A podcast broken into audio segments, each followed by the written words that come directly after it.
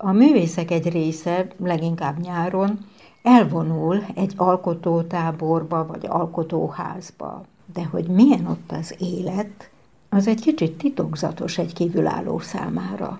Most viszont megtudhatjuk.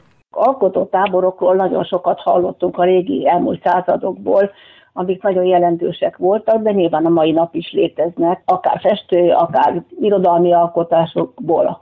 Szerkesztőtársuktól, Veszkó Bánktól hallottam egy különleges, hogy úgy mondjam, magánkezdeményezésről. Mi is ez az alkotótábor, ahol te jártál? Van egy nagyon kedves barátom Tihanyban, Balaton partján, egy 18 apartmanos épület, ami hosszú évek folyamán épült ki. Ott töltötte a fiatalkorát. Ez a jó barát, aki ismerte személyesen, és nagyon jó viszonyban volt a neves tihanyi művészekkel, többek között Borsós Miklóssal, I. Gyulával, Német Lászlóval, és ismerte a Flóra nénét is, ugye József Attilának a nagy szerelmét, I. Gyulának a feleségét. És e, már egész fiatal korában a művészetek iránt orientálódott, szerette az irodalmat, a képzőművészetet, a zenét, és egy alkalommal, amikor úgy adódott, hogy több vendége is művészek közül került ki, főleg festőművészek voltak, akkor elhatározta, hogy fog csinálni évente két alkalommal kora nyáron, amikor még nem indul be a szezon, június elején és szeptember második felében egy festő alkotó tábort, ahol meghívja ezeket az embereket, akik már vendégei voltak, és hozzá próbál még szervezni más festőket. Ilyenkor az egész panziót csak a táborlakók uralják? Ilyenkor gyakorlatilag úgy időzít, hogy főleg az alkotótábor tagjai vannak, nem töltik meg teljesen ezt a 18 apartmont, de a felét, vagy a felénél többet ugye elfoglalnak, mert általában a művészek házastársaikkal jönnek, és úgy alakult ez ki, hogy a reggelit állja a házigazda, és utána délben valamelyik művészházas pár főz, ő veszi meg az alapanyagokat, és akkor ők főznek a jelenlévők számára, és a maradékból ugye vacsoráznak. Tehát akkor ez nem csak az alkotásról szól, hanem az együttlét öröméről. Az együttlét, igen, erre ki akarok térni az együttlét öröméről, mert végső soron az volt az ő célja, hogy ezeket az embereket közelebbről megismerje, baráti kapcsolatot ápoljon velük, és akik szívesen és nagy örömmel jönnek ide, és az együttlét órái, napjai, az különleges örömet okoznak mindenkinek. Hány éve van ez a tábor? Hát ez most már körülbelül 20 éve, de akik ezt kezdetben ugye alkották, ezt a kis együttest, abból már sokan meghaltak, meg eltávolodtak, Hát olyan körülbelül 10-15 éve kialakult egy olyan törzs társaság, egy mag, akik minden évben jönnek. Itt van tűzománcos bonyhádi művésznő. A bonyhádnak a díszpolgára, aki Tekli Zsuzsának hívnak, aki rendszeresen ott van. Akkor van egy úgynevezett ronyképész, akivel már csináltunk egy riportot, és el is adtuk a civil rádióban, a Keresztes Zsuzsa. Akkor van Korbé Pista nevezetű festőművész, Bottyám Marian, az egy remek plener festő, az is állandó tagja. Akkor volt a Gróf Zoltán nevezetű kecskeméti festőművész, aki sajnos a tavalyi évben elköltözött közülünk, remek festő volt.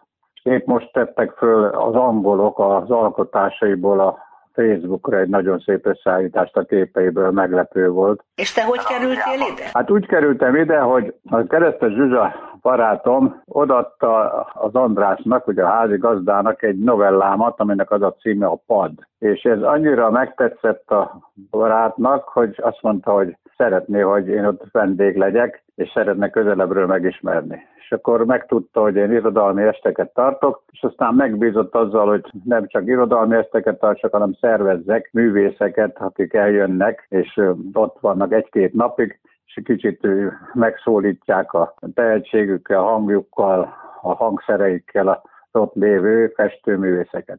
Így ezt a művészeti vonalat, ezt én szervezem, én irányítom, én hívom a vendégeket. Hát idén ugye a Horti Lilla nevezető, akivel szintén készült egy riport, volt az egyik vendégünk, a másik pedig egy nagyon tehetséges fiatal kordonka művész, Mádi Szabó Eszter. Mind a ketten több napig ott voltak, és minden este énekeltek, illetve játszott a kis Gordonka művésznő, és nagy öröm volt ez. Általában vacsora után kiültünk, van egy nagy teraszrész, és ott énekelt, illetve ott játszott a gordongást.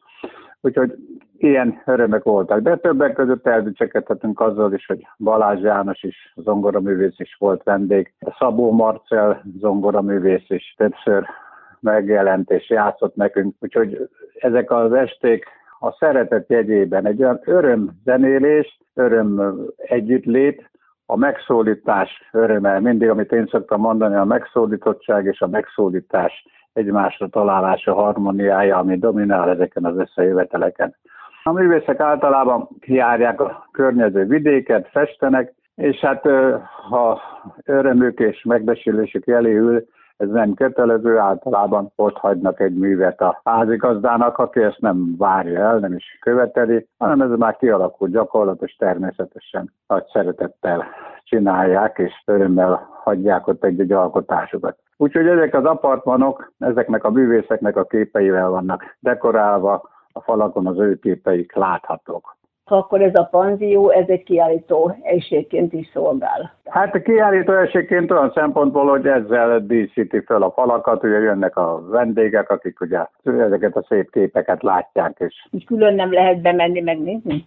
Külön nem, nem, nem, nem. nem. Ez csak ott, akik kiveszik ott a szobákat, azok örömére szolgál. De ha valaki akarja, hogy ezt meg szeretné nézni, meg hallotta, azért a házigazda szívesen megmutatja azoknak is, de nem kiállítás jelleggel van. Tehát tulajdonképpen akkor ti visszaidézitek a 18.-19. század régi hangulatát ezekben a hetekben, ilyen teljesen szalon jellegű hangulat van. Hát pontosan, így van. Beszélgetés, nagyon kellemes. Balaton felvételi borok mellett el van a társaság, megeszi a maradékot, a ebédről maradt, vagy még csinálunk ugye szendvicseket, de nagyon kellemes, általában 7 óra körül kezdődik a vacsora, utána egy kis műsor, és utána még belenyúlik sokszor az éjféli órákban is a beszélgetés.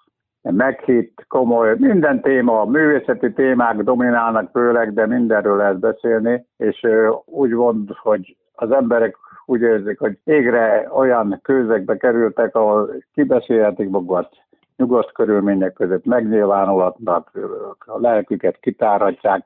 Szóval egy olyan szeretett közösség van, tudod, szóval nagyon érdekes ez, és ez már a hosszú évek folyamán olyan kapocsá vált, hogy egymást hívogatjuk, amikor nincs is tábor, beszélgetünk, mi van veled, mit csináltál. Tehát nagyon közeli barátságá alakult, nem csak az, hogy a festőtábor idejére, hanem az év valamennyi hónapjában megvan ez a kapcsolat.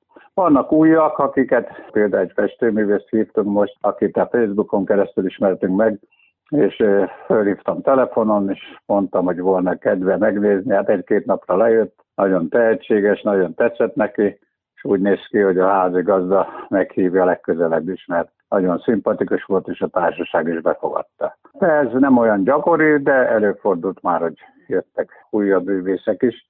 Hát természetesen az idék folyamán vannak, akik elmaradnak. Van egy nagyon érdekes vajdasági festő barátunk, úgy hívják, hogy Kossuth Tivadar. Ez ilyen naív festőnek vallja magát, de fantasztikusan kidolgozott képei vannak, és a külföldiek számára egy unikum, és vannak kifejezetten gyűjtői, és nagyon érdekes képeket fest. Akkor vannak, akik remekül akvareleznek. Például ez egy új felfedezet, egy almádi lakós nyáron, egyébként Fehérvári, úgy hívják, hogy Fektivera. Olyan csodálatos akvarel képeket csinál, a megfolyatás művészete, mert az akvarelt nem lehet javítani. Olyan ügyesen kezeli ezt a vízfestéket, hogy szinte csodálatos. Szóval jönnek, és a többiek is próbálják elsajátítani, hogy akvarellezzenek egy keveset, de hát azt mondják, hogy szinte utánozhatatlan. Én úgy érzem, hogy te nem csak, hogy szervezed ezeket a táborokat, hanem te lubickolsz ebbe a helyzetbe. Hát mondhatom örömmel, hogy majdnem minden művésztől van alkotásom, és ez nagy öröm. Hát és itt nekem Balatonon, ugye ez egy, hogy mondjam meg, ez egy kiállító terem. Köszönöm, hogy beavattál minket ebbe a kis világba, és hát nyilván nagyon sok ilyen tábor létezik, amiről kevesebbet tudunk. Meskó Banknak, szerkesztőtársunknak Kéri Julit volt a beszélgetőtárs.